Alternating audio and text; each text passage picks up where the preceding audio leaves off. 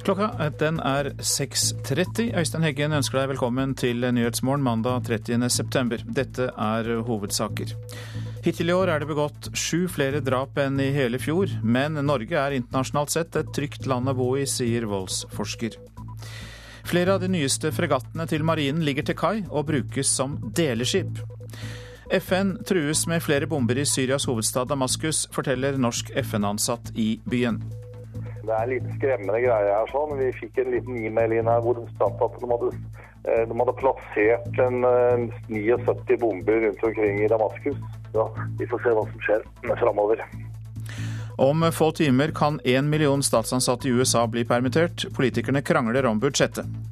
Og milliarder av nye brukere i fattige land kommer til å endre internett. Det mener en av toppsjefene i Google, Gerald Cowan innovative use cases that change the way we think about education, that change the way we think about agriculture and health. Vi vil se nye måter å bruke nettet på innen både helse og utdanning, sier Cohen.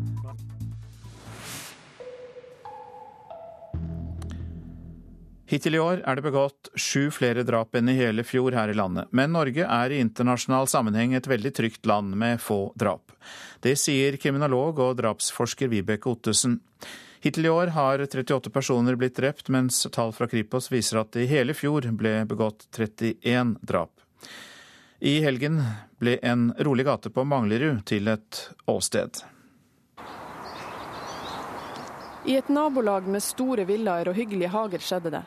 En 52 år gammel mann som hadde familie og venner, endte opp blodig på asfalten her i Otto Sogns vei. Det sjokkerer naboene. Kan ikke skjønne at det har skjedd utenfor Jeg bor jo der inne, altså. Rett utenfor min port har det skjedd. Hittil i år har 38 personer blitt drept, mens tall fra Kripos viser at i hele fjor ble det begått 31 drap. Hvorfor vokser tallet? Med all sannsynlighet er det rent tilfeldig at vi har eh, det antallet vi har i år, i forhold til det antallet vi hadde i fjor. Men det er viktig å huske på at hvert drap er et drap for mye. Hvert drap er grusomt. Det sier kriminolog og drapsforsker Vibeke Ottesen. 38 drap er statistisk sett få drap, og det er viktig at folk vet at bare fordi to år, som 2012 og 2013, at de skiller seg fra hverandre. Da betyr ikke at, i, eh, at vi nå kommer nødvendigvis til å se en økning i drap over lengre sikt. Enhver økning er bekymringsfull. Det sier voldsforsker Ragnhild Bjørnebekk. Som en forsker på drap i nære relasjoner, er jeg selvfølgelig bekymra for alle de familiene som befinner seg i en sårbar situasjon for drap. Men samtidig syns jeg det er veldig viktig at, eh, at, folk i Norge er klar over at eh, Norge er et trygt land. Vi har få drap statistisk sett. Bekymring gjør at vi kan bli mer oppmerksom på ting som skjer rundt oss, sånn at vi kan komme til oss og si ifra. Men vi, ikke, vi har ingen grunn til oss å gå og være redde. Altså det, frykt og angst er noe annet enn bekymring. Men tallenes tale viser at i forhold til våre naboland er Norge skåna for mye. I Sverige så har de en drapsrate, altså antall drap per 100 innbyggere. Den ligger på 1,0. I Danmark så ligger den på 0,9. I England så ligger den på 1,2. I Norge i 2003, når vi hadde 44 ofre for drap, så hadde vi en drapsrate på 0,88. Så Norge er i internasjonal sammenheng et veldig trygt land med få drap. Så hvorfor kan det av og til virke som om det blir farligere å bo i Norge? Det som har gjort at den har kanskje fått et, veldig, jeg har fått et inntrykk av veldig mange drap i år, det er at det har vært flere veldig spesielle saker som får mye medieomtale. Og at det har vært rettssaker om drap som var i fjor, som også får mye medieomtale. Og drap kan ramme et helt nabolag. Det Vi tror ikke sånn kan skje. Alle naboer har bare hatt godt forhold, og vi har jo hatt Alle kjenner alle her Rolf. alle, alle kjenner alle. Vi, jeg er født her, jeg har bodd her hele mitt liv. Og, og, dette veien, dette her, når jeg så dette hjørnet, var åsted for en Nei, vi, vi skjønner ikke. Og reporter på Manglerud i Oslo, det var Eva Marie Bulai. Flere av de nyeste fregattene til marinen ligger til kai og brukes som deleskip, skriver Aftenposten. Bare én av de fem fregattene som ble levert mellom 2004 og 2011, virker helt som de skal. De hadde en prislapp på over 20 milliarder kroner, de fem fregattene som Sjøforsvaret mente Norge trengte, og som ble kjøpt inn. Men av de fem skipene er det bare ett som per i dag seiles, skriver Aftenposten i dag. Fregatten KNM Otto Sverdrup er blant skipene som ikke brukes. Det ligger permanent til kai, ute av stand til å seile som krigsskip. For reservedeler fulgte ikke med i avtalen på 20 milliarder kroner som ble gjort med det spanske verftet som bygget skipene. Nå blir milliardskipet ribbet for deler og brukt som deleskip. Aftenposten har snakket med en rekke kilder med tilknytning til skipene, som uavhengig av hverandre bekrefter situasjonen. De sier til avisa at de ikke vil stå frem med navn, fordi de vil få problemer om de uttaler dette offentlig. En av kildene sier til avisa at man i praksis ikke har spart på å la være å inngå en driftsavtale, fordi avtalen med selskapet som i dag tar seg av vedlikeholdet, er for dyr. Sjøforsvaret sier til Aftenposten at de drifter fregattene i henhold til et vedtatt driftskonsept, og at tre fregatter kontinuerlig er bemannet og seilende. Operativ status vil de ikke kommentere fordi dette er graderte opplysninger. Sa reporter Irina Kjelle. FN i Damaskus trues nå oftere enn tidligere, sier en norsk FN-ansatt som jobber i Syrias hovedstad. Antall bomber har økt kraftig den siste tiden, og FN har mottatt trusler om at mange bomber vil bli detonert. Noen av truslene er rettet direkte mot organisasjonen, forteller en nordmann som er ansvarlig for sikkerheten til FN-personalet.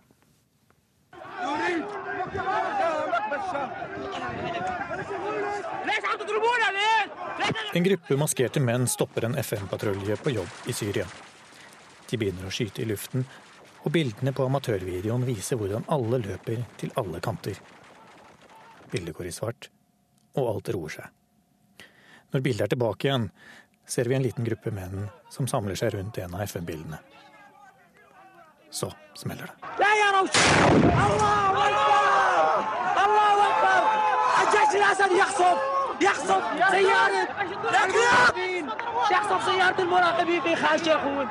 En hjemmelaget bombe eksploderer under en av bilene. FN var målet.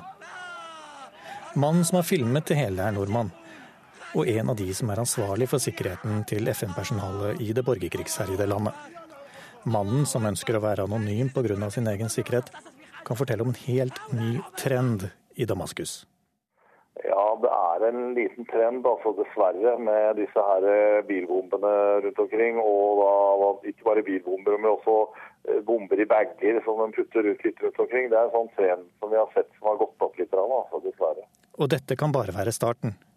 For mens verdens øyne har vært rettet mot diplomatiet og FN-resolusjonen i New York, fortsetter krigen for full styrke på bakken i Syria. Og nå trues også FN direkte. Det er litt skremmende greie her. sånn. Vi fikk en liten e-mail inn her hvor det stod at de hadde, eh, de hadde plassert en, en 79 bomber rundt omkring i Damaskus. Og så far så har det gått av ni bomber. Så vi får se hva som skjer framover. Og det som har skjedd, er at ytterligere to bomber har eksplodert og tatt livet av flere titalls uskyldige. Og bombene rammer tilsynelatende helt tilfeldig. Det er i begge områdene. Det er det som er litt uh, merkelig. Det er i begge områder. Både i rebellens og i, i, da, i midten av byen. Altså, uh, bare fortell hvor nærme ting skjer der, så skal jeg på et møte nede i byen. Uh, på det hotellet hvor våpeninspektørene holder til. og da Eh, på vei nedover så må vi da kjøre, passere hotellet. Så må vi kjøre brua. Før jeg kommer til den brua, så lander det da en 120 eh, mm granat bare 100 meter bortafor bilen. Eh, så altså, du vet aldri hvor ting smeller hen her. Altså, det, det, er, det, kommer inn ting hele tiden. Så granater beskyttes altså fra utenfra inn til byen stort sett hele tiden. Reportere her, det var Christian Aanensen og Mohammed Alayobi. Om under et døgn kan amerikanske myndigheter måtte stenge dørene for én million ansatte som kan bli permittert. Republikanere og demokrater krangler om hvordan budsjettet skal se ut. Tida er i ferd med å renne ut, og konflikten er fastlåst. Senator Ted Cruz gjør det klart at det handler om politisk ideologi, eller prinsipper. Republikanerne vil ikke være med på å vedta et budsjettforslag som også inneholder penger til president Obamas helsereform. En annen Tea Party-aktivist, senator Marco Rubio, mener republikanerne gjør folket en tjeneste fordi helsereformen er dyr og kommer til å ødelegge for næringslivet, som blir pålagt nye krav.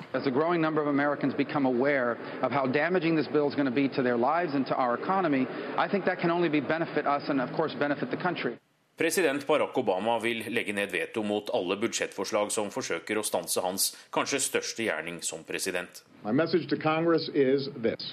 Do not shut down the government. Do not shut down the economy. Pass a budget on time Beskjeden til republikanerne er krystallklar, men i Kongressen sitter det nyvalgte politikere som mener det er verdt å kjempe for personlig valgfrihet framfor å redde eget sete, og også kjempe mot Obamacare, som helsereformen kalles. Hele budsjettprosessen her er komplisert. Kort fortalt har ikke USA hatt et reelt statsbudsjett siden 1997, men heller provisoriske ordninger eller bevilgninger. Fra tirsdag trenger USA et nytt budsjett, eller nok et provisorisk budsjett som kjøper politikerne mer tid for noen måneder. I teorien er det tomt for penger 1.10, og etter intense forhandlinger her i helga på nattestid er det fastlåst og få som vil endre standpunkt. Det republikansk-kontrollerte representanthuset vil ikke støtte Obamas helsereform, mens det demokratstyrte senatet står fast på at reformen ikke skal røres. Natt til søndag stemte representanthuset for en tilføyning i budsjettet som utsetter iverksettelsen av deler av helsereformen ett år.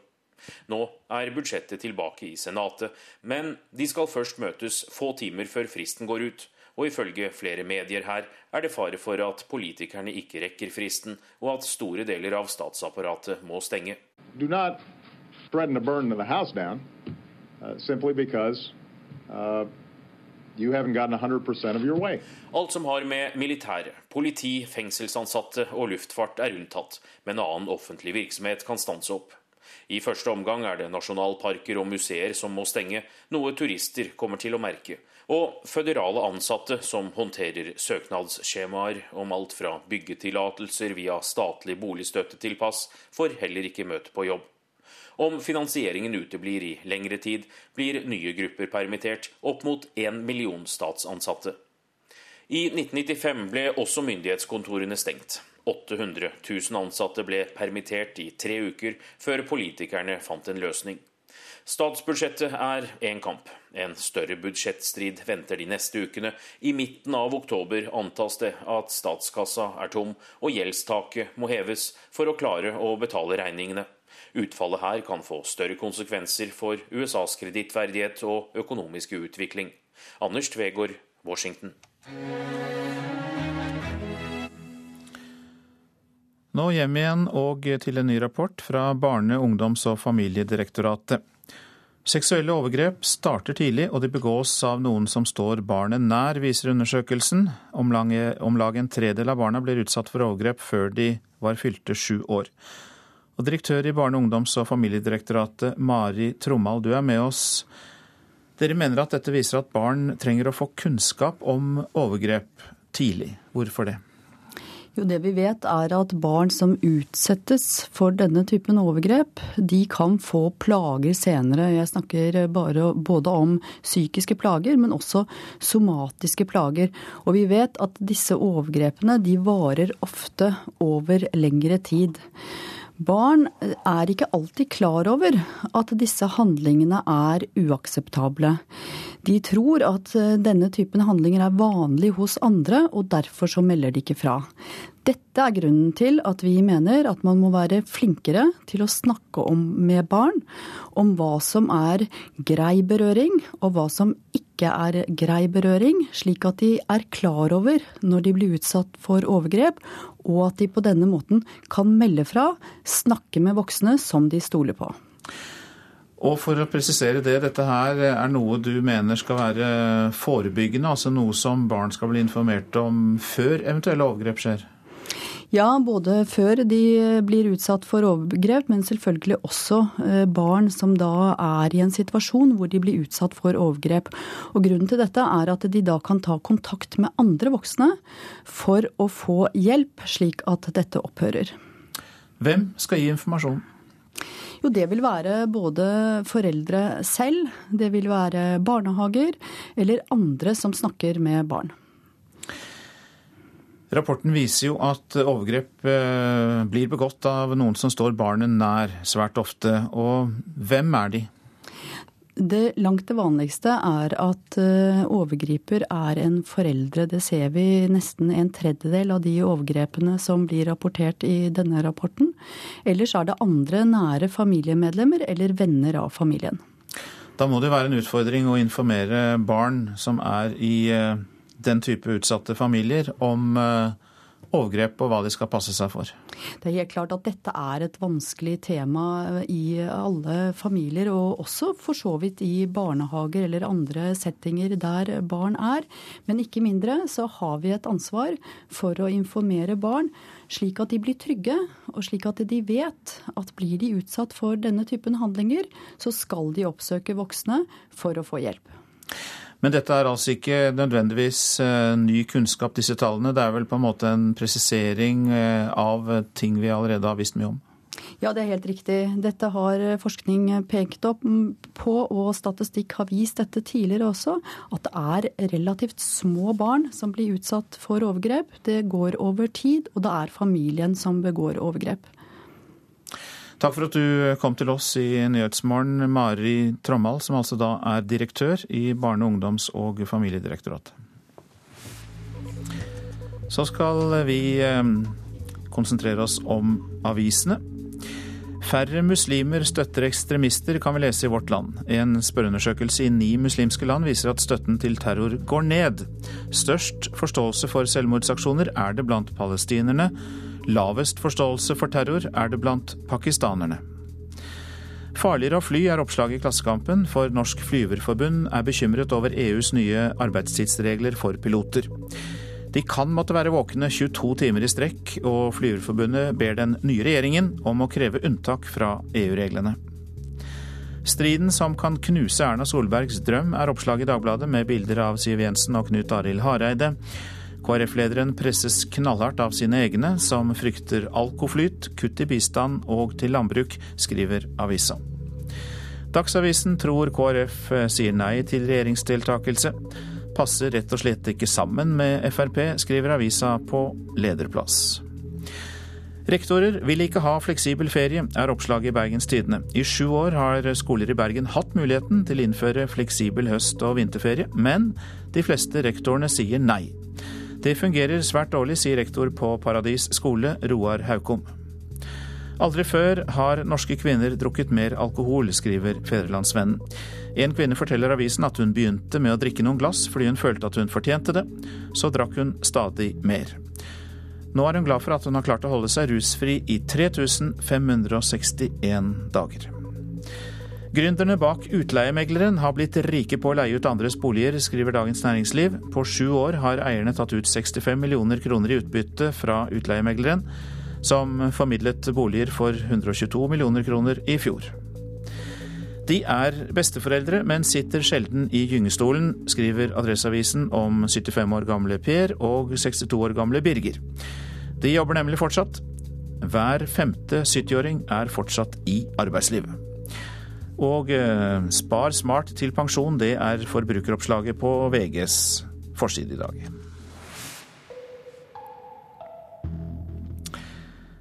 Og i dag tar Norges nye landslagssjef Per-Mathias Høgmo ut sin første landslagstropp. Mange har sterke meninger om hvilke endringer 54-åringen bør gjøre.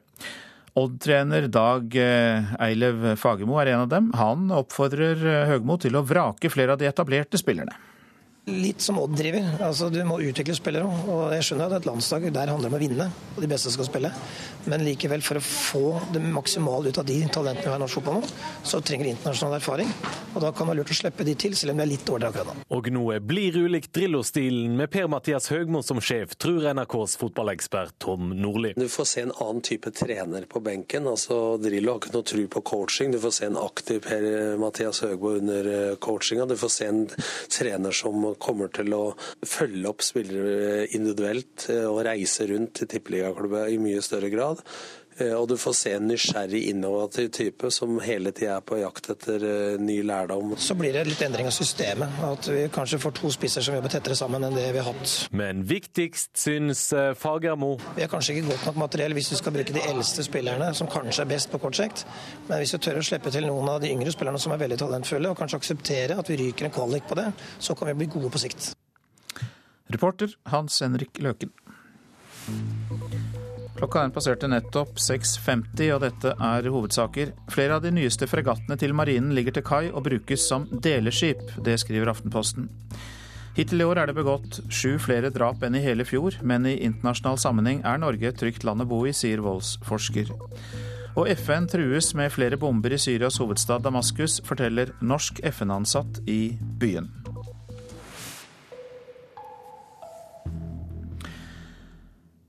Rypejegere og fjellfolk slår alarm, for de mener bestanden av rype i fjellet er på et lavmål. De frykter det kan langt, ta lang tid før det igjen er normalt med ryper i fjellet. Hei, Fjell og elg. Nå skal fangsten fordeles. Ja, fangsten den, den var jo Det blir noe som en liten smak og rekten, da. En minne fra fjellet. Noe middag ble det ikke. Ei rype på hver. Ei rype på hver. Det ble to ryper på deling etter fire dager i fjellet. Torgeir Nygård er seniorforsker hos Norsk institutt for naturforskning og har trampa i rypeterrenget i Lierne i årevis, både gjennom jobben og som nå i helga, på rypejakt. Nei, Vi så vel kanskje en 15-20 ryper på fire dager. Og fire kom i sekken totalt. På fire dager. Ja, tre opptil fire mann som jakt. Så dårligere har det ikke vært. Hva tenker du om det, du, da? Nei, Jeg tenker at uh, nå har vi nådd bunnen. Som det er vanskelig å tenke seg at vi kommer opp av noe særlig fort. Men det samme sa vi i fjor. Sånn at uh, det her er ganske alarmerende, syns jeg. Uh, vanskelig å peke på noe bestemt årsak. Det er jo en sammenfall av mange forskjellige faktorer, tror jeg. Hvorav våren i fjor var ganske dramatisk. Men vi kommer nok til å måtte vente på noen år før vi når gode år igjen, for det vil ta tid. Og reporter i Lierne i helga, det var Kjartan Trana. Nå kappes data- og mobilgigantene om de som ennå ikke har tilgang til internett. Det er fem milliarder mennesker som snart blir nye brukere. Og de kommer til å stå for den største endringen på verdensveven de neste årene. Det tror leder for Googles internasjonale tenketank, Gerald Cowan. What I think is more important than the gadgetry and the sort of cool things that, that, that change our day to day lives is what happens when these 5 billion new people come online in the, in the developing world. Jared Cohen har krøllete hår og dyr dress. 32 år gammel er han allerede blitt kåret til en av verdens 100 mest innflytelsesrike personer av Time Magazine. Som leder av tenketanken Google IDs mener han kule dingser vil fortsette å forandre livene våre her i Vesten. Men han er mye mer spent på hva som vil skje når fem milliarder mennesker i utviklingsland kommer seg på nett de neste årene. Because what they're going to bring with them is innovative use cases that change the way we think about education, that change the way we think about agriculture and health. Vi vil se nye måter å bruke nettet på innen både helse og utdanning, sier Cohen når NRK treffer ham på konferansen IT-tinget i Tønsberg. F.eks. tror han billige smarttelefoner og framveksten av nettundervisning vil gjøre det lettere for barn i utviklingsland å gå på skole. Right, so you think about you know huge portions of the world's population that will benefit from the ability to multitask. Right, you know, I, I sort of you know the most extreme example I imagine all these children around the world who because they have to work aren't able to go to school. Um, they're going to be able to do both at the same time. Det er langt fra Silicon Valley til Nydalen i Oslo. Men tankene som tenkes, er mye de samme. Ved kaffemaskinen i inngangspartiet til nettselskapet Opera står Jan Standal, visepresident for partnerskap. Det aller, aller viktigste er at du ser at folk har internett med seg overalt, alltid, uansett hvor de er hen. Sammen med giganter som Facebook og Samsung lanserte Opera for en måned siden initiativet internett.org. Også dette har som mål å gi nett til de milliardene som ikke har nett i dag. Hvis du ser Nesten alle markeder i dag er totalt åpent. Om det er lokale selskaper som kommer til å etablere seg, eller de store globale, det vet man ingenting om. På spørsmålet om det er idealisme eller økonomiske interesser som driver Googles arbeid, svarer Jared Cohen Altså at det er i tråd med Googles verdier, uten at han kommer nærmere inn på disse. Jan Standal og Opera er imidlertid langt tydeligere. Det er mange positive si, sideeffekter av det å ha internettilgang. Og det som, som selskaper nok er, bryr seg en god del om også. Men, men selskapet drives av økonomiske insentiver. Reportere her, det var Christian Ingebrigtsen og Sondre Bjørdal. Kunst for barn er tema nå. Sørlandets kunstmuseum åpner nå en egen avdeling for de minste. Og det er penger fra stiftelsen Kultiva i Kristiansand som gjør det mulig. Dette er egentlig det største rommet som vi skal ha det i. Formidlingsansvarlig Karl Olav Mortensen ved Sørlandets kunstmuseum viser frem lokalene som skal bli den nye avdelinga for barn. Her skal barn og voksne få oppleve visuell kunst på barnas premisser. Vi ønsker også å kommunisere til barn helt ned til null år. Øh, vi, vi tror ikke at man skal ha en bestemt alder for å sette pris på visuell kunst. Øh, så Derfor prøver vi også å legge til rette helt ned for de minste. Sier direktør ved Sørlandets kunstmuseum Karin Hinsbo. Så der kommer kunst i børnehøyde, og det blir hengt og plassert så er det også er sikkerhetsmessig forsvarlig. Tjukke vegger og sånn, så man kan sikkert skalle ned litt også, sånn at man får enda mer plass. I mars fikk museet innvilga 1,65 millioner kroner av stiftelsen Kultiva for å lage barneavdelinga på museet, og i januar starter ombygginga.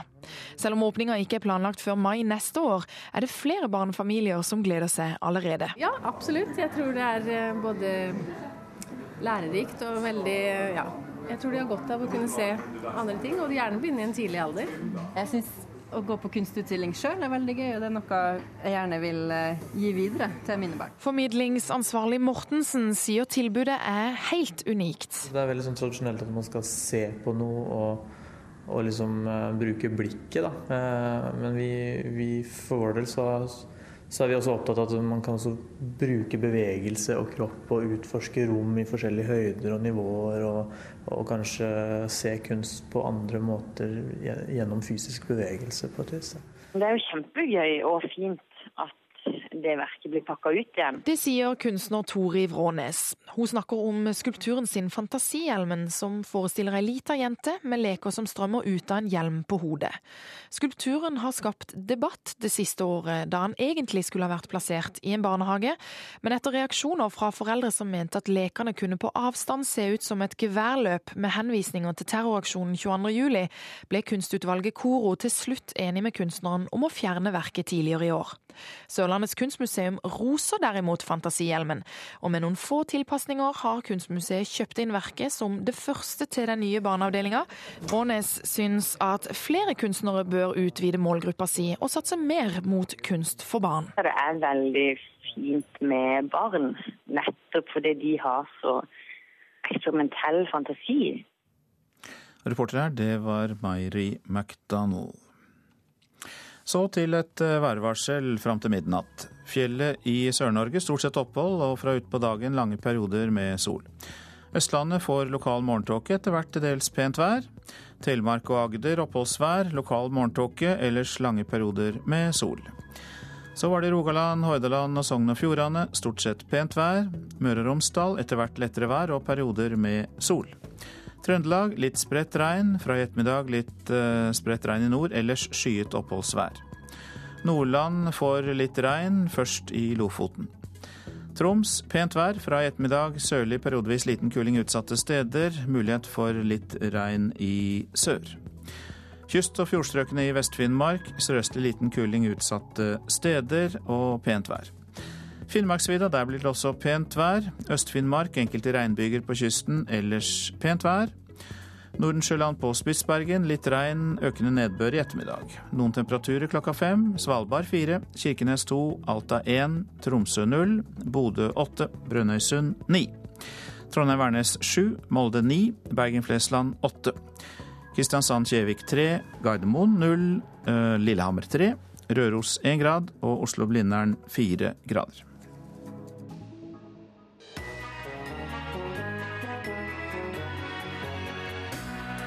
Midtøstens største spillmesse, Teheran Game Expo, runda av i forrige uke. Iran satser sterkt på dataspillutvikling og ønsker å bli en av de store i markedet i løpet av de neste ti åra, men det er mange utfordringer når man skal utvikle spill i Iran. Hør mer om iranske dataspill i Radioselskapet på P2 klokka 11.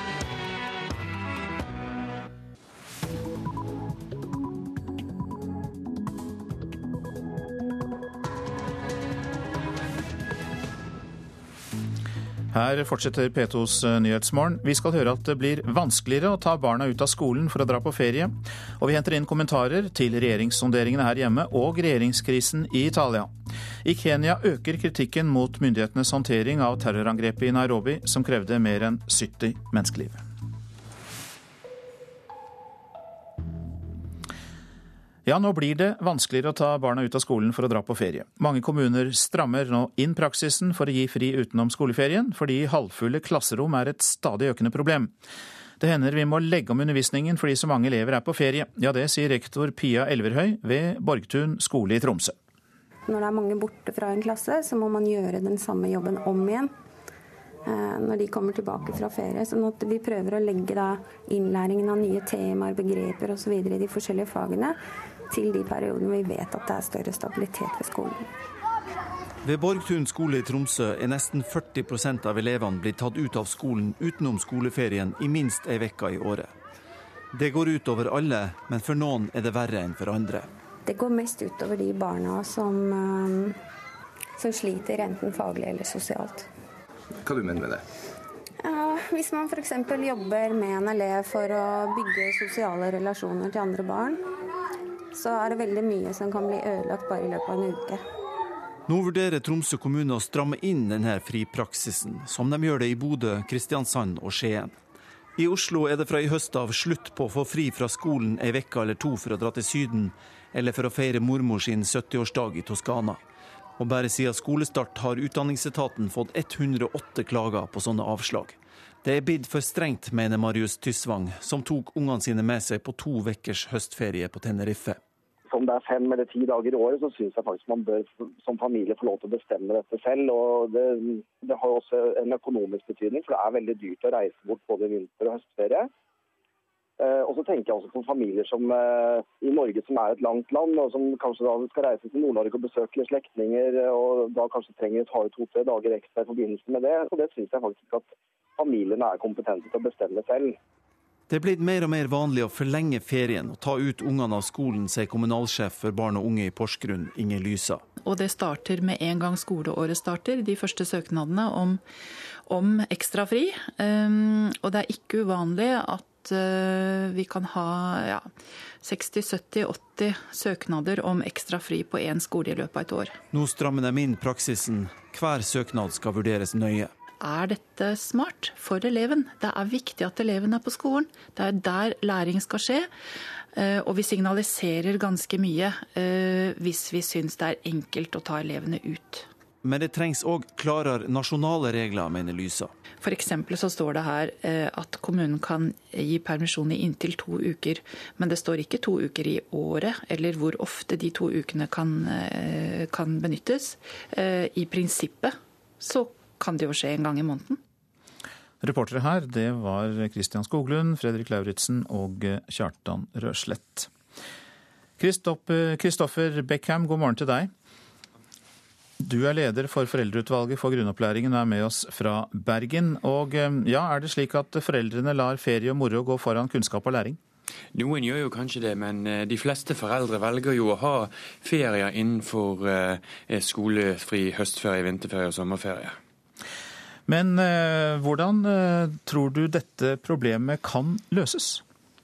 Jeg tror dette kan, problemet kan løses ved at en eh, på en måte sier at kommunene, i kommunene en kan ha en prøveprosjekt med at en har løse eh, vinterferie og høstferie, altså innenfor en tidsramme kanskje på seks uker, syv uker, så kan en gjøre det. En annen måte er at vi foreldre kan være mer bevisst i forhold til våre valg eh, og si at det er 190 skoledager i året, og da eh, vi forlanger gode lærere og gode læringsmiljø. Eh, og da må, må vi stille til rådighet våre barn i de 190 dagene de skal gå på skolen. Ja, Så du uh, syns det bør være litt mer fleksibilitet i kommunene, slik at prisene ikke blir så høye ved at alle skal ha ferie samtidig? FUG har jo sagt at vi ønsker en strammere praksis, nettopp fordi at vi får stadig henvendelser fra foreldre på at barn ikke lærer. Det er ikke nok, gode nok lærere i mange kommuner.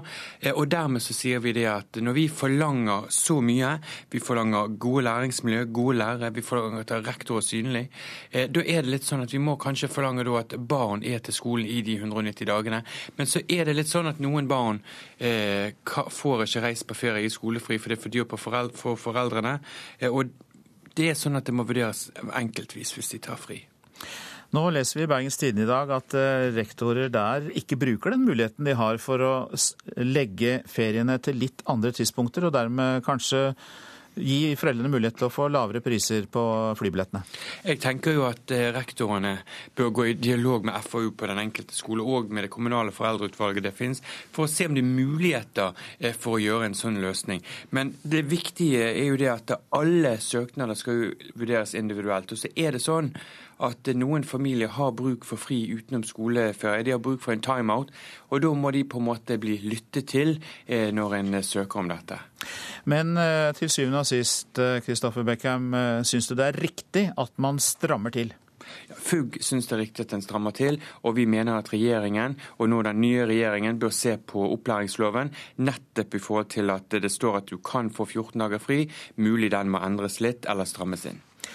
Da slutter vi der vi begynte, Beckham, med at du syns kunnskap og læring går foran ferie og moro. Jeg syns kunnskap og læring går foran i skoletiden. I, på skolen. Takk skal du ha, Kristoffer Beckham. Du er leder for Foreldreutvalget for grunnopplæringen.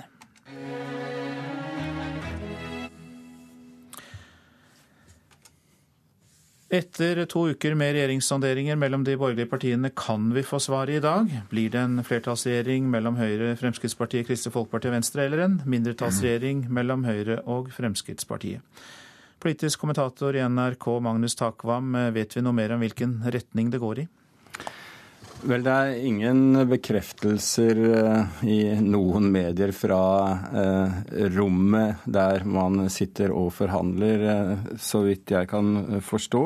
Men indirekte så, så går nok signalene i retning av at det ikke ligger an til å bli en firepartiregjering. altså Omtrent i tråd med det som ble sagt forrige gang partigruppene skulle ha, ha møter eh, før helgen. Hva har det vært viktig å vurdere for Kristelig Folkeparti og Venstre i disse sonderingene? Det er en kombinasjon av eh, det eh, kortsiktige gjennomslaget disse partiene kan få på sine viktige områder i en eventuell regjeringsplattform. Altså jeg tenker på eh, miljø, asyl, distriktspolitikk, landbrukspolitikk, bistandspolitikk osv. for disse partiene, målt mot eh, den mer langsiktige eh, vurderingen av å gå inn i en regjering over fire år, med alt det innebærer av dragkamper og, og skal vi si, det relativt svake tyngdepunktet disse to sentrumspartiene har i forhold til Høyre og Frp. Altså en kombinasjon av alt dette. Og slik jeg forstår det nå, så trekker det altså i, i retning av at eh, disse to partiene velger eh, å stå utenfor regjering. Nå skal det gås en runde til i dag, så hvis det kommer store endringer, så vil jo også dette bildet endre seg, selvfølgelig. Det kan fortsatt endre seg. Er det noen absolutt frist i dag, Takvam? Nei, men det er klart når man uh, sa at man ville gå noen nye runder og prøve uh, å sondere ytterligere, og innkaller partiets ulike organer, så, så skal det mye til om man da ikke konkluderer i dag. Den fristen som egentlig ligger der litt lengre frem, er jo at en ny regjering må ha en viss tid til å endre det statsbudsjettet som kommer 14.10. Hvis man drar veldig mye lenger eh, enn den datoen, så får man en svært kort tid til å, til å lage en tilleggsproposisjon og endre budsjettet. Så det er et tids, tidspress med alt det som skal gjøres uansett eh, de neste ukene. Så vel, jeg, jeg tror det kommer en avklaring i kveld. Mange takk for at du kom til oss i Nyhetsmorgen, Magnus Takvam. Du er politisk kommentator i NRK. Ja, dette er Nyhetsmorgen. Den eh, passerte akkurat tolv over sju klokka, og vi har disse hovedsakene. Flere av de nyeste fregattene til marinen ligger til kai og brukes som deleskip, skriver Aftenposten. Nå blir det vanskeligere å ta barna ut av skolen for å dra på ferie. Mange kommuner strammer inn på praksisen. Og et Dreamliner-fly fra det polske selskapet Lott måtte lande på Island da det fikk problemer med en antenne og ble nektet å fly over Norge.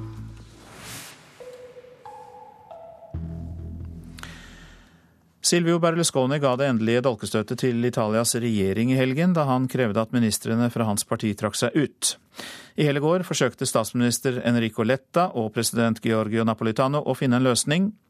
Og europakorrespondent Åse Marit eh, Befring, det er bare sju måneder siden Italia sist sto uten regjering, og hva gjør de nå for å unngå politisk kaos? Ja, Det var eh, det de hadde møte om i går kveld. Eh, fordi at det er klart at de nå vil forsøke å finne en løsning uten å gå til nyvalg. Da, de gjorde, da, det, var for, da det var valg for sju måneder siden, så husker vi jo at det ble et politisk vakuum i to måneder, og det var veldig vanskelig å få på plass noen som helst regjering. Så det de nå ønsker, er å se om det går an å få et flertall bak en Letta to-regjering. Det krever i så fall flertall både i Under- og Overhuset. I Underhuset så har Letta flertall fremdeles, mens i Overhuset så kreves det at han får støtte enten fra Berlusconis Frihetsparti, eh, eller eh, Forza Italia, som det heter nå i dag, eh, eller fra protestpartiet Femstjernebevegelsen, som til nå har vært en, et rent protestparti. Så det betyr altså at man, de må lete etter slags utbrytergrupper eller enkeltpersoner i disse partiene som ønsker å støtte den nye regjeringen. Hva er bakgrunnen for årsaken til at det ble regjeringskrise akkurat nå? Svaret på det, det er Silvio Berlusconi. Han krevde at hans fem ministre i regjeringen trakk seg ut. Eh, Visstnok også uten ved å konferere med dem. Eh, og Berlusconi har jo i lang tid truet med dette fordi han selv står for fall. Eh, og den umiddelbare grunnen han ga, var at han var imot at denne skatteregjeringen, som han kaller det, økte momsen fra 22 til 23% mens Letta nå kaller Berlusconi en løgner og sier at han nå bare er ute etter å unngå skatt av personlige grunner. Denne dragkampen som nå pågår, eh, hva betyr det for Italia, det som skjer? Ja, I dag så kommer nok de første reaksjonene idet markedene åpner. og Man regner med at det kommer til å bety eh, et stort fall. Eh, og så vil eh, Letta i morgen, eller dvs. Si han vil på onsdag, eh, holde en orientering for parlamentet for å fortelle dem om situasjonen, alvoret i situasjonen, og legge frem sine planer. Eh, og dette kan jo på mange måter, måter forstås som en siste krampetrekning fra, fra Berlusconi, som nå førstkommende fredag eh, vil, trolig vil miste sin plass i det italienske senatet. De vil altså forsøke å stable på beina en regjering uten et nyvalg, som du sa. Um, hva er det mest sannsynlige ut ifra din vurdering? Det er en veldig uoversiktlig og vanskelig situasjon å vurdere. Italiensk politikk eh, svinger fra dag til dag, og det er veldig vanskelig i det hele tatt å klare å følge med i prosessene her. Eh, men altså, jeg tror nok at Napolitana, eh, som er en aldrende mann, eh, vil gjøre alt altså presidenten vil gjøre alt for å unngå et nyvalg. At de kommer til å ha veldig mange sonderinger og møter nå fremover for å se om mulighetene Dette er jo et land i økonomisk krise. De har vært i resesjon i to år sammenhengende. Og det er viktig nå at de klarer å få en stabil politisk situasjon. Åse Marit Befring, takk skal du ha. Du er europakorrespondent. I Kenya øker kritikken mot myndighetenes håndtering av terrorangrepet i Nairobi, som har krevd mer enn 70 menneskeliv. Landets nasjonale sikkerhetsråd er i søkelyset. De ble varslet om angrepet før det fant sted, uten å iverksette tiltak for å hindre det. Afrikakorrespondent Lars Sigurd Sunnanå, du er med oss. Hvor detaljerte var disse advarslene? Advarselen kom fra etterretningstjenesten her i Kenya tidlig i denne måneden, og den var ganske detaljert og pekte på Westgate kjøpesenteret som det mest sannsynlige målet for et terrorangrep som syntes å være under oppseiling. Rapporten som Det nasjonale sikkerhetsrådet fikk på bordet, bygget bl.a. på en klar advarsel fra den israelske ambassaden her i Nairobi, som fryktet at terrorangrepet ville falle sammen med feiringen av store jødiske høytider mellom 12. og 21. september, og bli rettet nettopp mot Westgate, som er eid av en israeler. På møtet i Sikkerhetsrådet deltok Kenyas utenriksminister, forsvarsminister, innenriksministeren og sjefene fra hæren og politiet, og det ble ledet av president Uhuru Kenyatas stabssjef Francis Kimemia. Han er nå sparket som Kenyas øverste embetsmann i oppvasken etter terrorangrepet. Det vi vet er at terrorangrepet så langt har krevd eh, mer enn 70 menneskeliv, inkludert eh, terroristene. Da. Men eh, er dette tallet så sikkert? Fordi det kan vel fortsatt være gisler som ligger begravet i det sammenraste kjøpesenteret? Det er fortsatt full forvirring rundt dette spørsmålet. Altså, Kenyas Røde Kors oppgir at minst 60 mennesker er savnet, og at de kan befinne seg i ruinhaugen inne i kjøpesenteret. Innenriksminister Josef Ole Lenko avviser dette. Han sier nå at det ikke var gisler der da hæren og sikkerhetsstyrkene rykket inn og nedkjempet Al Shabaab-terroristene. Det er også full forvirring når det gjelder spørsmål om flere av terroristene kan ha sluppet unna gjennom en tunnel under kjøpesenteret frem til en bygning 100 meter unna. Og på toppen av mange ubesvarte spørsmål synes nå klart at det har vært omfattende plyndring i kjøpesenteret, enten mens terrordramaet pågikk, eller etter at det var over. Gullsmed og urmakerforretninger er tømt, og det samme har skjedd med minibanken i komplekset. Så leser vi på byråene at amerikanske myndigheter advarer sine statsborgere mot å dra til Kenya. Hva bygger de det reiserådet på? Ja, det heter i Reiserådet at det er kommet informasjon om mulige nye terrorangrep i Kenya, og at de vil være rettet mot amerikanske og vestlige mål. For den eh, viktige turistnæringen her i landet er dette Reiserådet en skikkelig nedtur. Det vil jo ikke komme særlig mange amerikanere på safari når et sånt råd eh, gjelder, fordi de får da ikke reiseforsikringer, bl.a. Afrikakorrespondent Lars Sigurd Sjønne, takk skal du ha. Du var med oss fra Nairobi. I Østerrike vant den sittende regjeringen valget med knapp margin. Statsminister Werner Feimann og hans sosialdemokratiske parti går dermed til harde forhandlinger for å danne en regjeringsplattform med det konservative partiet, som de har samarbeidet med også de siste fire årene. Statsministrene i India og Pakistan ble enige om å opprette, gjenopprette våpenhvilen i Kashmir da de i går møttes i New York. Begge land gjør formelt krav på Kashmir-regionen, og de siste månedene har det vært en opptrapping av vold i regionen. I Sverige leter politiet etter en mann som er mistenkt for å ha satt fyr på en hytte der to barn brant inne. Mannen, mannen er barnas far, og politiet mistenker at han med vilje satte fyr på hytta. Så til det avisene skriver. Færre muslimer støtter ekstremister, kan vi lese i Vårt Land. En spørreundersøkelse i ni muslimske land viser at støtten til terror går ned. Størst forståelse for selvmordsaksjoner er det blant palestinerne. Lavest forståelse for terror er det blant pakistanerne. Farligere å fly er oppslaget i Klassekampen, for Norsk Flyverforbund er bekymret over EUs nye arbeidstidsregler for piloter. De eh, kan måtte være våkne i 22 timer i strekk, og Flyverforbundet ber den nye regjeringen om å kreve unntak fra EU-reglene. Striden som kan knuse Erna Solbergs drøm, er oppslag i Dagbladet med bilder av Siv Jensen og Knut Arild Hareide. KrF-lederen presses knallhardt av sine egne, som frykter alkoflyt, kutt i bistand og kutt i landbruk, skriver avisa. Dagsavisen tror KrF sier nei til regjeringsdeltakelse. Passer rett og slett ikke sammen med Frp, skriver avisa på lederplass. Rektorer vil ikke ha fleksibel ferie, er oppslaget i Bergens Tidende. I sju år har skoler i Bergen hatt muligheten til å innføre fleksibel høst- og vinterferie, men de fleste rektorene sier nei. Det fungerer svært dårlig, sier rektor på Paradis skole, Roar Haukom.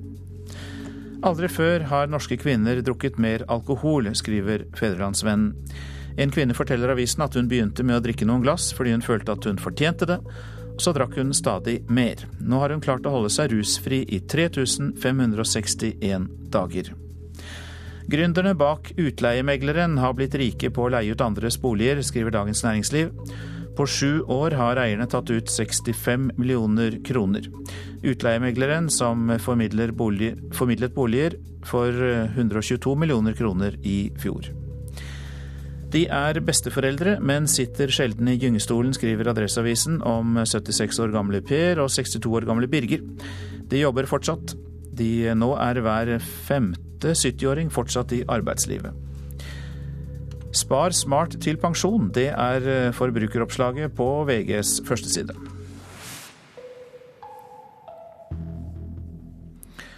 Nå skal vi høre at mange kokker har altfor dårlige arbeidsforhold. Det bekrefter Arbeidstilsynet etter flere tilsyn de har gjort i høst.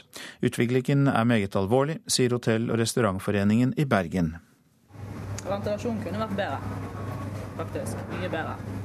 Silje Beate Olsen er kokk ved et av de populære spisestedene i Bergen sentrum. Nei, Det er veldig kjekt å være kokk i Bergen. Men én ting er hun sikker på. Hvis ikke du vet hva du har krav på, så blir du revkjørt. Denne høst har Arbeidstilsynet uanmeldte tilsyn i utelivsbransjen i hele landet for å avdekke useriøsitet og sosial dumping. Men det som var gjennomgående ved alle steder Arbeidstilsynet var i Bergen i høst, var at kokker og kjøkkenassistenters arbeidsmiljø var for dårlig. Det sier tilsynsleder Marita Scott i Arbeidstilsynet i Bergen. Det gjelder eh, både ventilasjon og avtrekk. Det gjelder eh, fysiske forhold som kan du si, benkeplass og plass til å gjøre oppgavene. Hun mener at dårlige arbeidsforhold er en risiko for kokkene som er i arbeid. Det er jo klart at eh, når man sitter og jobber med masse avgasser og i dårlige arbeidsforhold, så har det konkrete helsemessige effekter. Og, og det er jo viktig å følge opp videre. Arbeidsmiljøet er blitt verre og verre senere år. Leder i Hordaland hotell- og restaurantforening, Jevet Hissenei, sier at han får daglig tilbakemeldinger om dårlige lønnsvilkår, arbeidspress og dårlige arbeidsforhold. Ja, Det er restaurantbransjen som har ødelagt for kokkene. De useriøse i restaurantnæringen som utnytter kokker som ikke gir dem det de skal gjøre. Bransjesjef for NHO Hordaland, Wenche Saltella, sier at det Arbeidstilsynet har avdekket er veldig uheldig. Vi mener jo at eh, de dette her gjelder må bare skjerpe seg. Vi er i en situasjon hvor vi mangler mange kokker på våre restauranter i, i Norge. Og hvis vi ikke klarer å behandle de godt, de som vi har inne, så klart at da ødelegger vi veldig for rekrutteringen til næringen. Reporter her, det var Renald Tennison Christopher. Politiets bombegruppe kommer til Laksevåg i Sula kommune i Møre og Romsdal nå i morgentimene. Det ble i går funnet en mistenkelig pakke merket med eksplosivkjennetegn. Politiet sperret i går kveld av et område i Langevåg, men beboere ble ikke evakuert. Åtte av ti av oss går sjelden eller aldri i banken. I en undersøkelse gjort av TNS Gallup for norske banker svarer én av fem at de aldri besøker en bankfilial.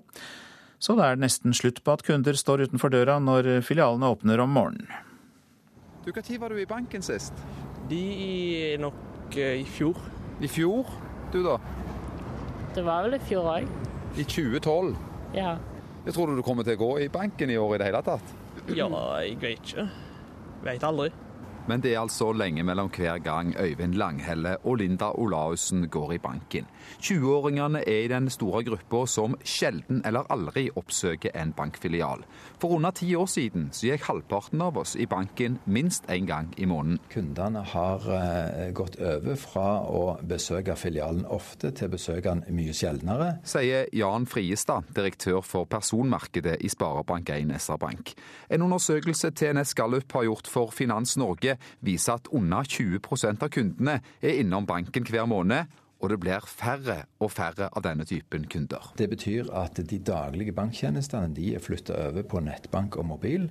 Mens kontoret i stadig større grad primært blir brukt til rådgivning. Tidligere var det sånn når klokka, før klokka ni så sto, der, eh, ja, sto en del folk og venta på at filialen skulle åpne. Er det helt slutt på det?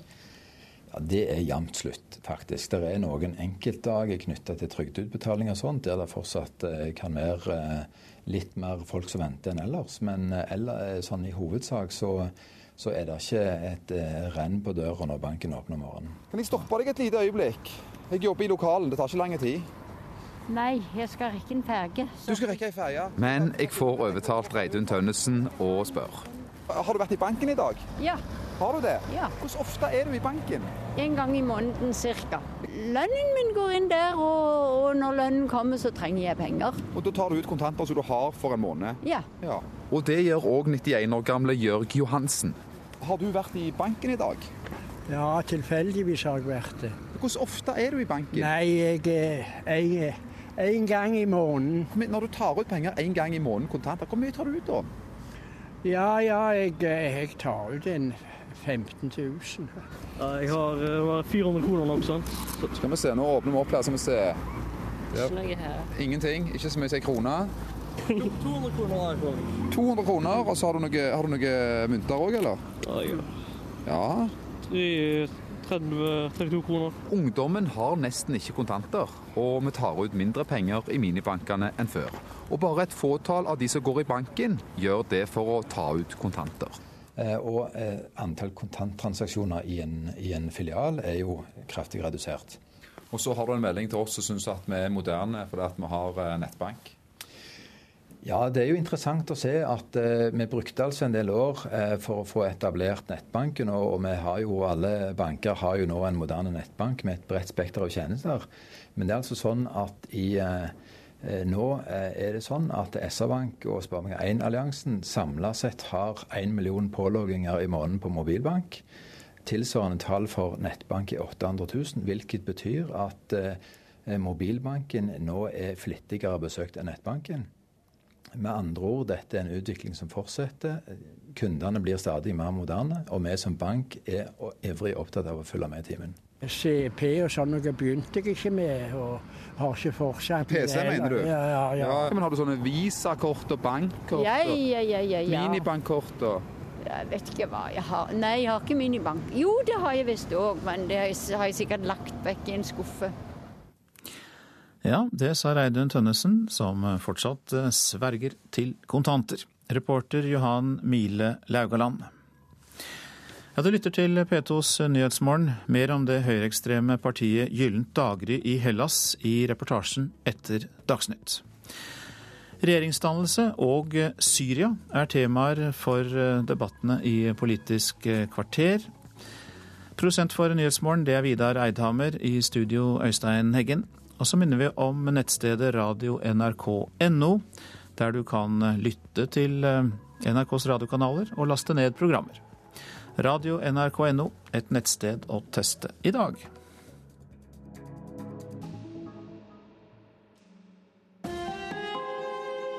Hør ekko. Du har bil, grill, høytrykksspyler, slalåmski, telt, overfylt bokhylle og et lass med klær du aldri bruker. Naboen din har det også og naboens nabo. Er du klar for å dele mer og eie mindre selv? Internett gjør det lettere å få til. Det kalles deleøkonomi.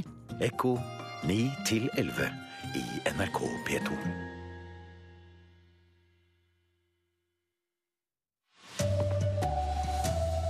Vil ha en slutt på at foreldrene tar med seg barna til Syden utenom skoleferien. Flere kommuner strammer inn reglene. Norge er trygt tross økningen i antall drap her i landet, mener voldsforsker.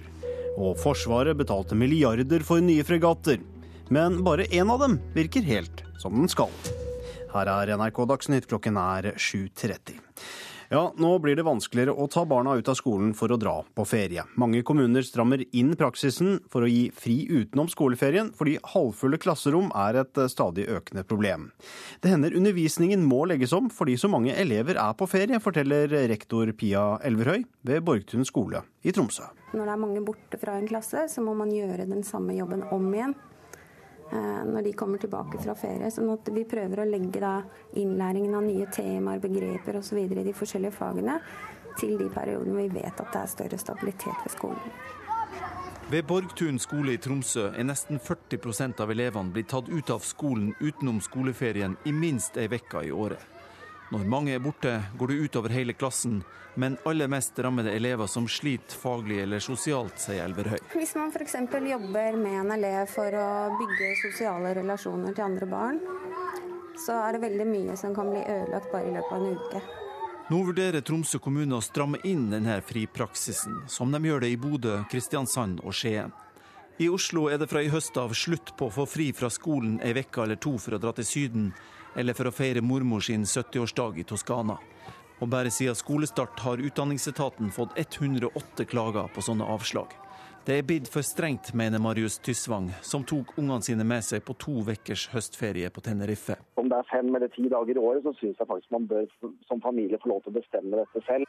I Porsgrunn er det ikke uvanlig at én skole får 60-70 søknader om fri på et år, sier kommunalsjef for barn og unge Inge Lysa. Men nå skal hver søknad vurderes nøye. Er dette smart for eleven? Det er viktig at eleven er på skolen. Det er der læring skal skje. Eh, og vi signaliserer ganske mye eh, hvis vi syns det er enkelt å ta elevene ut. Og Reportere her var Kristian Skoglund, Fredrik Lauritzen og Kjartan Røslett. Hittil i år er det begått 38 drap i Norge mot 31 drap i hele fjor. Drapsforsker Vibeke Ottesen sier det trolig er rene tilfeldigheter som forklarer denne forskjellen. I helgen ble en rolig gate på Manglerud til et åsted. I et nabolag med store villaer og hyggelige hager skjedde det.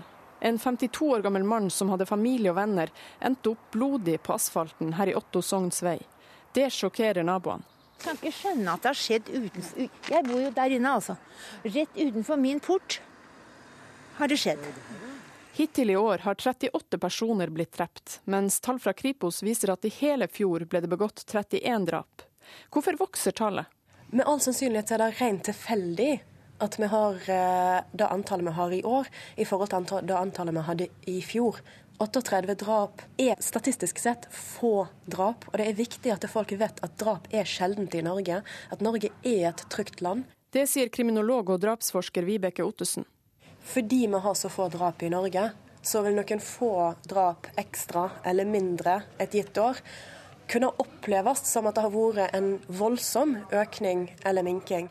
Hun understreker at hvert drap er grusomt, men mener vi ikke skal bekymre oss for at tallet stiger fra ett år til et annet. Men det mener voldsforsker Ragnhild Bjørnebekk. Jeg sier at vi skal bekymre oss når det er en økning, og bekymring gjør at vi kan bli mer oppmerksom på ting som skjer rundt oss, sånn at vi kan komme til oss og si ifra. Men vi, ikke, vi har ingen grunn til å gå og være redde. Altså det, frykt og angst er noe annet enn bekymring. Og reporter her, det var Eva Marie Bulai. Flere av de nyeste fregattene til Forsvaret ligger til kai og brukes som deleskip, skriver Aftenposten. Bare én av de fem fregattene som ble levert mellom 2004 og 2011, virker helt som de skal. De hadde en prislapp på over 20 milliarder kroner, de fem fregattene som Sjøforsvaret mente Norge trengte, og som ble kjøpt inn. Men av de fem skipene er det bare ett som per i dag seiles, skriver Aftenposten i dag. Fregatten KNM Otto Sverdrup er blant skipene som ikke brukes. Det ligger permanent til kai, ute av stand til å seile som krigsskip. I stedet brukes det som deleskip. For reservedeler fulgte ikke med i avtalen på 20 milliarder kroner som ble gjort med det spanske verftet som bygget skipene, skriver avisa. Forsvarets logistikkorganisasjon FLO har det administrative ansvaret for reservedeler og vedlikehold av fregattene.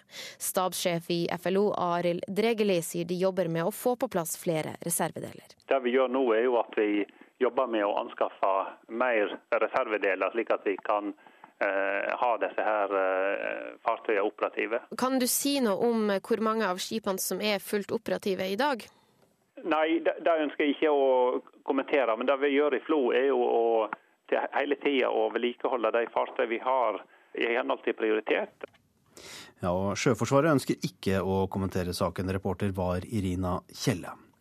De fire borgerlige partilederne er ennå ikke enige om hvilket eh, regjeringsalternativ de skal gå for. I dag er det akkurat to uker siden de møttes til eh, samtaler for første gang. Og politisk kommentator eh, Magnus Takvam, hva er hovedbildet når det gjelder regjering, regjeringssonderingene nå? Det virker som om det er omtrent det samme bildet som vi hadde på onsdag, da det jo ble rapportert at avstanden var for stor til at man kunne se for seg en firepartiregjering. Eh, de to sentrumspartiene hadde ikke fått nok gjennomslag eh, på sine viktigste områder til at de så å si tok sjansen på å gå inn i en forpliktende eh, fireårspartiregjering eh, eh, på det tidspunktet. Og slik er nok bildet fremdeles. Men kommer vi til å få en avklaring i dag? Ja, med det de sa om dette på fredag, så, så tror jeg det. Eh, nå har man holdt på så lenge at eh, jeg tror eh, både partiorganisasjonen og eh, velgerne gjerne vil ha en avklaring på i hvert fall hvilke partier som skal gå videre. Så jeg regner med at vi får svaret på, på dette i løpet av ettermiddagen kvelden, ja. ja. Så får vi se. Takk skal du ha, politisk kommentator eh, Magnus Takvam. Tidligere statsminister i Italia Silvio Berlusconi har skapt politisk krise i Italia etter at han i helgen krevde at alle ministrene fra partiet hans trakk seg fra regjeringen. Det siste døgnet har statsminister Enrico Letta forsøkt å finne en løsning på denne regjeringskrisen. Fatemi vi scapperà qualche preghiera per l'Italia in questi tre giorni, sicuramente sarà utile per tutti noi. Grazie. Om de glipper ut ei bønn for dykk, så vil det uten tvil være nyttig for oss, sa Enrico Letta da han i helga talte til katolikkene som møttes i Roma for å diskutere verdensfreden. Men for statsminister Letta har det vært alt annet enn fred denne helga. I går bestemte tidligere statsminister Silvio Berlusconi seg for å trekke alle sine ministre ut av landets regjering. Berlusconi har truga med å kutte regjeringssamarbeidet om han blir utestengt fra senatet i Roma, noe som også har venta å skje etter at han i august ble funnet skyldig i å ha snytt på skatten. Etter at trusselen til Berlusconi i helga ble virkelighet, har Italia nå havna i nok en politisk krise. I går kveld ba statsminister Letta det italienske parlamentet om støtte for å kunne føre landet videre gjennom krisa. Samtidig har president Giorgio Napolitano starta å vurdere om en annen politiker heller skal ta over, eller om det skal lyses ut nyvalg i Italia, bare sju måneder etter at førre valg ble halve. Sa reporter Vegard Kjørom. Storkoalisjonen i Østerrike klarte så vidt å berge flertallet i nasjonalforsamlingen med 51% av stemmene, og det er ventet at partiene i statsminister Werner Feimanns koalisjon skal fortsette samarbeidet. Follo fotballklubb er på konkursens rand om å skaffe 600 000 kroner i løpet av dagen for å unngå at klubben blir historie. Vi har snudd alle steiner og er virkelig redde for at vi ikke kommer i mål, sier styreleder Frank Johansen. Nei, Det er mørkt øyeblikket. Det er utfordrende. Det er, det er, fortsatt mye penger som står igjen. For Follo fotballklubb har den siste tida jobba med å skaffe til veie 3,9 millioner gjeldskroner, men nå er fristen i ferd med å gå ut. Samtidig mangler klubben fortsatt over en halv million kroner for å innfri gjeldskravet. Det forteller styreleder Frank Johansen. Driftsmessig så går Follo FK bra. Det er eh, langsiktig gjeld som velter oss. Så dette er på en måte gammel moro som, eh, som, møter oss i døra. Pengeproblemene til klubben kan også få betydninger for andre klubber i førstedivisjon. Norges Fotballforbund har tidligere varsla at alle klubbens kamper vil bli strøket fra terminlista dersom de går konkurs. I så fall vil det bli store omveltninger på tabellen, hvor bl.a. Hødd kan få større mulighet til å rykke opp. Ja, og Reportere her det var Kristine Norvik Skeide og Hans Henrik Løken. Ansvarlig for Dagsnytt-sendingene denne morgenen er Sven Gullvåg. Det tekniske ansvaret hadde Per Ivar Nordahl. Jeg heter Arne Fossland. Du lytter til P2s Nyhetsmorgen. I Hellas har politiet de siste dagene arrestert flere av lederne og parlamentsmedlemmene fra det høyreekstreme partiet Gyllent daggry. Det er også satt i gang full etterforskning av partiet etter drapet på en antirasistisk musiker i forrige uke. Men det blir også hevdet at gresk politi og militære har hatt nære bånd til Gyllent daggry. Europakorrespondent Åse Marit Befring har laget denne reportasjen. Those, uh, uh, Very, very Bildene viser at de er nådeløse og i stand til å gjøre stor skade, mener journalist Leftris Pimpelas. Han har gjennom lang tid dekket kriminelle handlinger for avisa Etnos, som medlemmer av det ultranasjonalistiske partiet Gyldent Dagri er beskyldt for å stå bak. Denne uka kom han over noen bilder som har vakt oppsikt. Golden Dawn members, they are trained in uh, Ireland, near to Athens. doing uh. De viser medlemmer av Gyldent daggry som har militærøvelse på en øy utenfor Aten, forklarer han. Ryktene har gått lenge om tette bånd mellom gresk politi og Gyldent daggry. Nå er flere politisjefer omplassert, mobiler inndratt for å spore samtaler og en intern etterforskning i full gang. Først og fremst dreier det seg om at politiet skal ha sett en annen vei og mislykkes i å etterforske grove brudd begått av medlemmer i det ytterliggående partiet. Men etter de siste avsløringene i media blir også offiserer og tidligere soldater i hæren gransket. Ifølge avisa Vima skal minst 3000 menn være klare til kamp. Gyllent daggry sier de er patrioter med en ideologi som har røtter i det gamle Hellas. Men de vekker heller til live minner om gamle Nazi-Tyskland. Uniformert i svarte jakker og T-skjorter med partiets symbol formet som et hakekors, har de flere ganger rasert markeder der innvandrere forsøker å selge varene sine. De er mistenkt for knivstikking og vold mot immigranter. I april måtte en 14 år gammel afghansk gutt sy 300 sting bare i hodet etter et møte med dem.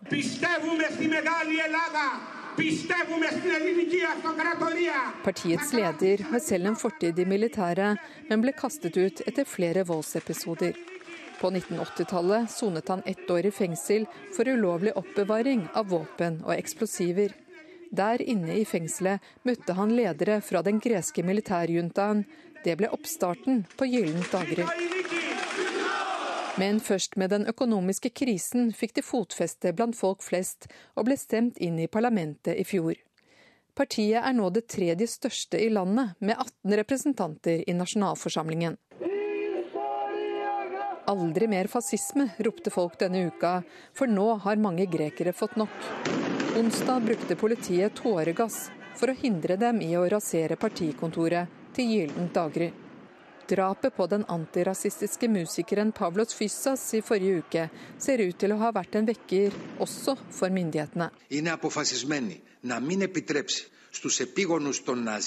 Denne regjeringen er fast bestemt på å ikke tillate noen avarter av nazister å forgifte livene våre og undergrave demokratiet, sa statsminister Antonis Samaras. Han vil frata Gyllent daggry all offentlig pengestøtte dersom etterforskerne finner en forbindelse mellom drapet og partiet. Partileder Nikos Michaloliakos har avvist alle anklager, og mener det som skjer nå er iscenesatt av andre partier. Vi har sagt at vi fordømmer denne tragiske hendelsen. Vi fordømmer enhver voldelig handling. Men det er visst ikke nok for inkvisitorene i Hellas, sa han. Dette er Petos Nyhetsmorgen, og dette er eh, de viktigste sakene. Nå blir det vanskeligere å ta barna ut av skolen for å dra til Syden utenom skoleferien. Flere kommuner strammer inn reglene. Forsvaret betalte milliarder for nye fregatter, men bare én av dem virker helt som den skal. Norge er trygt, tross økningen i antall drap i år, mener voldsforsker. Én, to, tre eller fire. I dag kommer trolig svaret på hvor mange partier som blir med i en borgerlig regjering, og programleder for Politisk kvarter, Bjørn Myklebust, det er særlig ett parti det er knyttet stor spenning til. Hva sier KrF, har vi nynnet på noen dager nå, men det refrenget har bare to svar, og anonyme kilder hvisker nei til Frp. Eller kan det likevel bli et ja, for her sitter en høyremann som i helgen skrev sitat Høyre er elendige på forhandlinger, og har alltid vært det.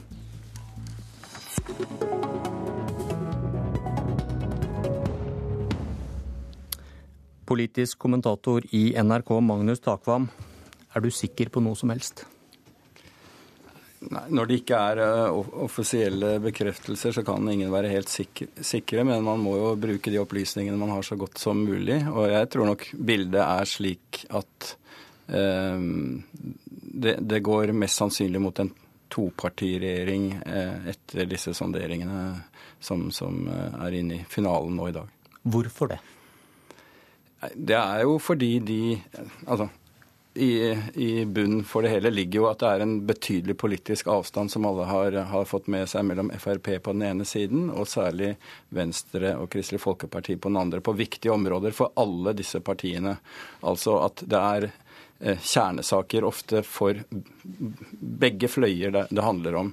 Og da tror jeg så langt at man ikke har fått gjennomslag, særlig for Venstre og KrF, da, på sine områder, som er så gode at de, de tar den prisen det er å sitte fire år i regjering med en, en tung høyreside. Eh, det er klart at Når det kommer etter hvert til vanskelige budsjettforhandlinger, økonomien endrer seg, og det programmet disse to partiene har, tross alt med skattelette og slike ting, så er man redd for at de garantiene man har om uh, satsing på deres kjerneområder, ikke greier å demme opp for, for, det. Og da blir det i sum, etter deres mening, uh, for vanskelig å forplikte seg til, til det det innebærer å sitte i regjering fra dag til dag. Så de kan være fornøyd med det de får forhandla fram nå, men de er redd for framtida?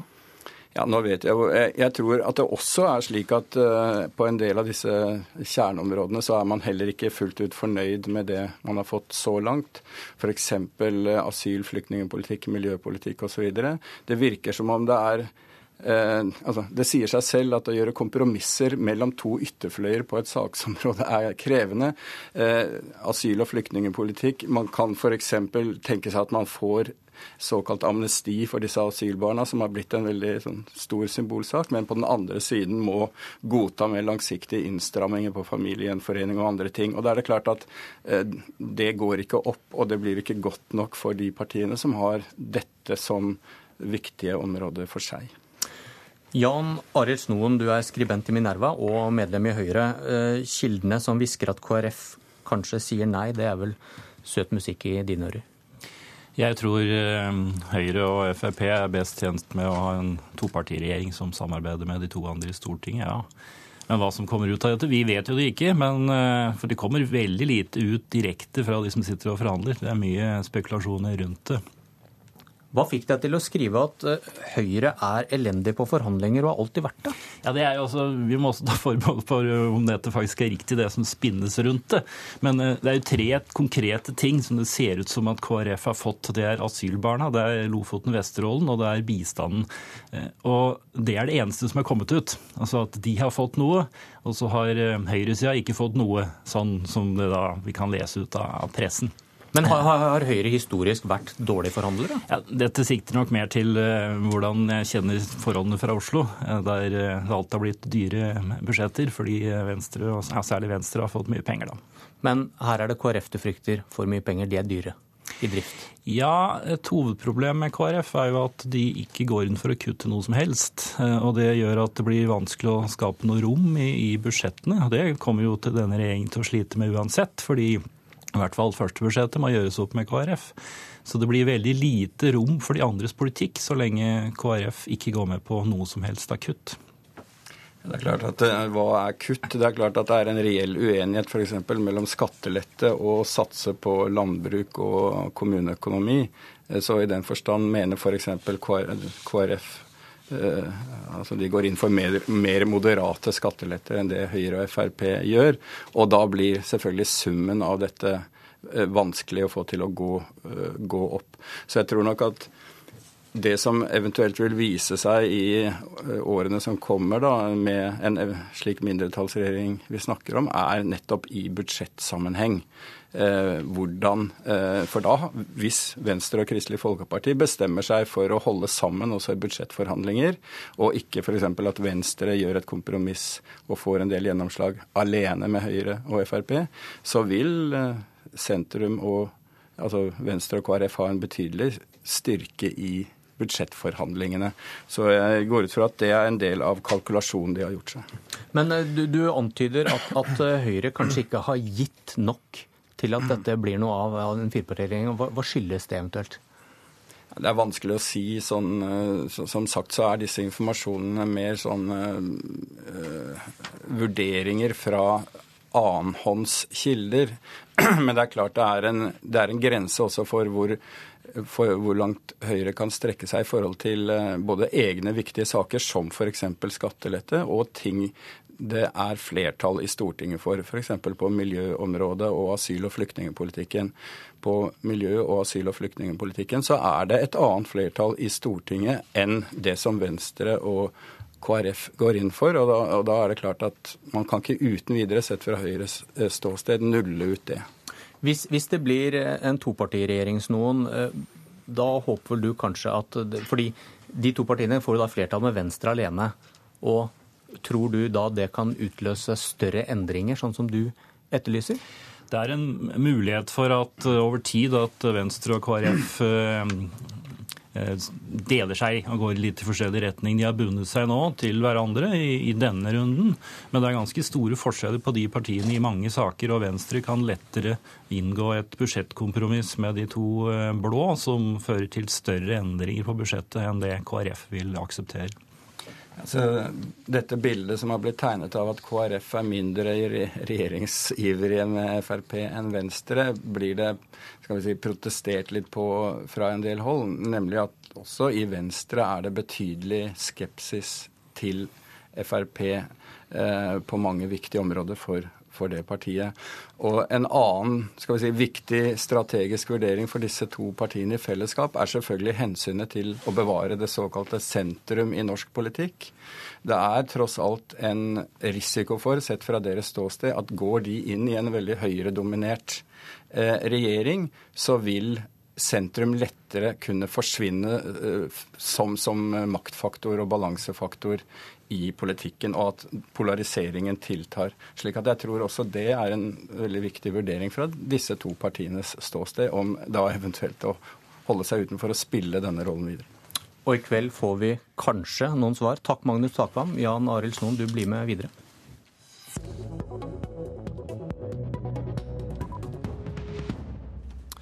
For hva skal vi gjøre med Syria? Et nytt tilskudd til den debatten kom fra Danmarks utenriksminister i helgen. Willy Søvndal vil ha nye internasjonale regler der man kan angripe et land uten mandat fra FNs sikkerhetsråd. Forutsetningene er at FN-sporet prøves først, og at de som angriper, ikke har selvstendige interesser i landet som angripes. Og Torgeir Larsen, du er statssekretær i Utenriksdepartementet. Er du enig med Søvndal? Nei, jeg er ikke enig med Søvndal. Det er litt uklart hva han eh, faktisk eh, mener. Eh, han snakker jo om eh, altså prinsippet for å beskytte sivile. Eh, et viktig prinsipp som er knesatt i FN. En svær debatt som startet på mange måter med katastrofen i Rwanda. Men hvor det sentrale er at det er bare FNs sikkerhetsråd som kan verifisere eller autorisere maktbruk. Fordi spørsmålet, når da Willy Søvndal sier når ikke Sikkerhetsrådet kan bli enige, eller eller, hvem skal da autorisere? Er det Danmark som skal kunne bestemme det? Er det stormaktene, Kina, USA, Russland, som skal ha den myndigheten? Det eh, er et spor som på mange måter døde den internasjonale debatten med Irak-krigen. Så jeg forstår eh, Søndals behov for på en måte å gi uttrykk for altså, desperasjonen på mange måter, det som skjer i, i Syria. Men eh, for et land som Norge så er veien å etablere noe på utsiden av Sikkerhetsrådet helt eh, illusorisk. Men syns du regelsettet i seg selv ser greit ut, bortsett fra at det er som du sier, veldig vanskelig å definere hvem som skal bestemme det? Eh, nei, selve, selve, forslaget, det å prøve å etablere noe på utsiden av Sikkerhetsrådet Det har vært en lang diskusjon rundt dette. Og dette er en debatt som på mange måter jeg sier døde hen med Irak-krigen, en krig som da ble angrepskrig, som ble startet uten et mandat i Sikkerhetsrådet. Uh, og uh, en, en, krig som uh, vel i ettertid må karakteriseres, iallfall mener jeg, som en krig som ikke har gjort mye annet enn å legge et, et, et landskap i ruiner. Men, men, hvis man følger Søvndals tanke, så hadde ikke Irak-krigen blitt noe av. fordi da da, da, hadde det vært land som hadde tatt en egeninteresse som angrep, ikke sant? Nei, men altså, i Spørsmålet er når det gjelder eh, internasjonal maktbruk. Eh, altså, og det helt vesentlige her, eh, det er ikke å gå til krig med det eller det, altså skrivebordsprinsippet. Det handler om at skal du gjøre noe, eh, skal du handle militært, som du noen ganger må gjøre, eh, så må du være opptatt av én vesentlig ting. Det skal virke. Og vi vet historisk at det å virke det vil ha å gjøre med hvilken støtte, hvilken legitimitet det har, hvilke land som stiller seg bak. Og Da er Syria et godt eksempel. Et land der hvor konflikten splitter landet, regionen, verden. Og det å tenke seg en angrepskrig der uten et samlende mandat, kan etter all sannsynlighet gjøre ting vondt verre. Jan Arild Snoen i Minerva, hva tenker du om dette danske forslaget? Jeg er enig med Sømdal, og dette har jeg sagt selv også tidligere. Eh, problemet med den måten vi tolker folkeretten, er at folkeretten ikke er folkeretten, men regimeretten. Det er en beskyttelse av regimer som gjør at eh, hvis du skal beskytte mennesker som undertrykkes av sitt eget regime, så får du ikke gjort noe dersom eh, regimet selv er Eh, har eh, vetorett i, i eh, FNs sikkerhetsråd, eller har støtte fra et sånt land. Da er du handlingslammet og får ikke gjort noe. Derfor er det da i realiteten Russland og Kina som bestemmer om du kan gripe inn eller ikke. Og det kan jo få veldig uheldige resultater, og det mener jeg det har hatt nå. Det dør nå mellom 5000 og 10 000 mennesker i Syria hvert år. Vi hadde en tilfelle Larsen snakker om skrivebordsteori, men vi hadde også i Rwanda et folkemord som pågikk fordi verdenssamfunnet ikke grep inn. Vi grep inn i Kosovo uten FN-mandat. Det var vellykket. Så disse tingene, handle eller ikke handle, må etter min mening eh, basere seg på andre kriterier enn hvorvidt eh, Russland og Kina er enige eller ikke. Det helt vesentlige er at uh, du kan samle verdenssamfunnet. Uh, og med alle sine feil og mangler, uh, så er FNs sikkerhetsråd det eneste arena som kan samle verden på vegne av verden. Det er det ene. Det andre er det ble nevnt eh, Kosovo, og det er blitt brukt av, av, enkelte som et eksempel som da kan sammenlignes med Syria. Det er et helt annet eksempel. Kan ikke sammenlignes. Kosovo, eh, helt riktig eh, at der blokkerte Russland på slutten. Men samtidig var det et langt løp i Sikkerhetsrådet. Og en viktig ting til. Det var enighet, konsensus, i de regionale, relevante foraene. Organisasjonen for islamske stater, EU, Nato. I tilfelle Syria så splittes alle. Arabiske liga og inn i vår egen del av verden.